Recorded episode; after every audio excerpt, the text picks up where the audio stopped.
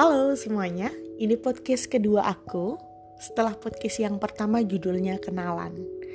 Belum banyak yang aku kenalkan kala itu, tapi di podcast yang kedua ini aku mau mengajak teman-teman buat dengerin aku. Aku mau curhat aja gitu, mau ngomong apa yang aku rasakan sepanjang hari ini, Selasa 12 Januari 2021 hari ke-12 di tahun yang baru. Aku bekerja di bidang pendidikan. Aku mengajar di sekolah dasar salah satu yayasan swasta, tempatnya di daerah Bekasi. kita sama-sama tahu dan ingin ya kondisi segera pulih lagi, balik lagi seperti sebelum ada pandemi. Pandemi ini pasti bikin kita lelah, sakit, gak mood, dan merasa banyak hal hilang dari kehidupan kita. Begitu juga aku. Selama pandemi ini, aku harus mengajar jarak jauh juga Padahal anak-anaknya masih kecil-kecil banget nih. Susah sih memang karena harus ada komunikasi yang baik dan juga harus mengenal anak-anaknya dengan lebih dekat. Sedangkan kami belum pernah bertemu. Tapi semuanya cukup berjalan baik selama enam bulan ini. Kami awalnya berharap bahwa di bulan Januari ini kita bisa masuk ke sekolah, bisa belajar lagi seperti biasanya. Tetapi ternyata belum bisa. Pagi ini aku pertemuan virtual dengan anak-anakku. Aku menjelaskan materi dengan baik menurut aku ya. Lalu aku juga memberikan segalanya yang aku bisa pagi ini tadi. Tapi nggak tahu kenapa. Setelah pembelajaran virtual itu, adalah yang komplain katanya begini begitu begini begitu dan menurutku itu sangat uh, membuat aku lelah ya. Membuat kita merasa kayak ya elah tolong dong dihargain. Kita juga capek kali. Kita juga pengennya normal kali. Terus pandemi itu yang bikin anak gak masuk sekolah itu kan bukan keinginan guru kita juga belajar, kita beradaptasi, bagaimana memberikan pembelajaran yang baik.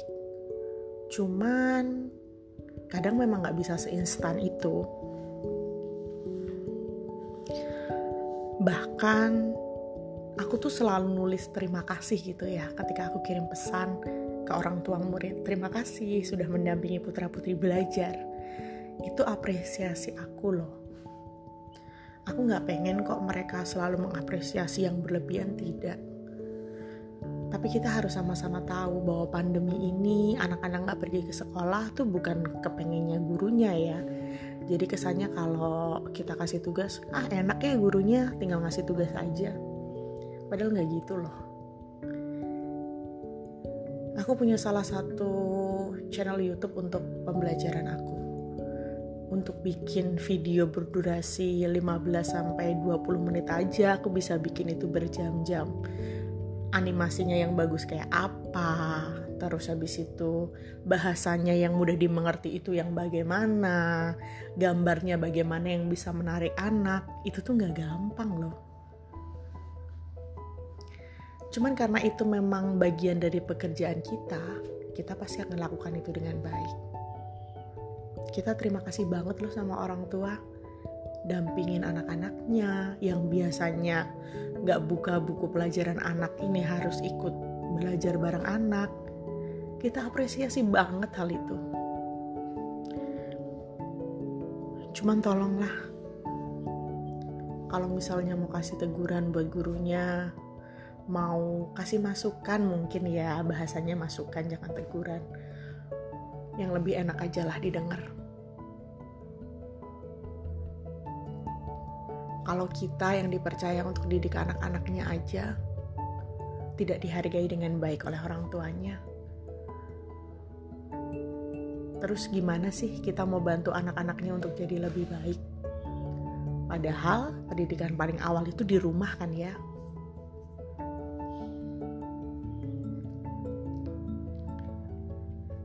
Tapi nggak apa-apa sih, itu konsekuensinya. Makanya tadi aku bilang, aku hanya ingin cerita, curhat. Siapa tahu ada yang punya rasa yang sama.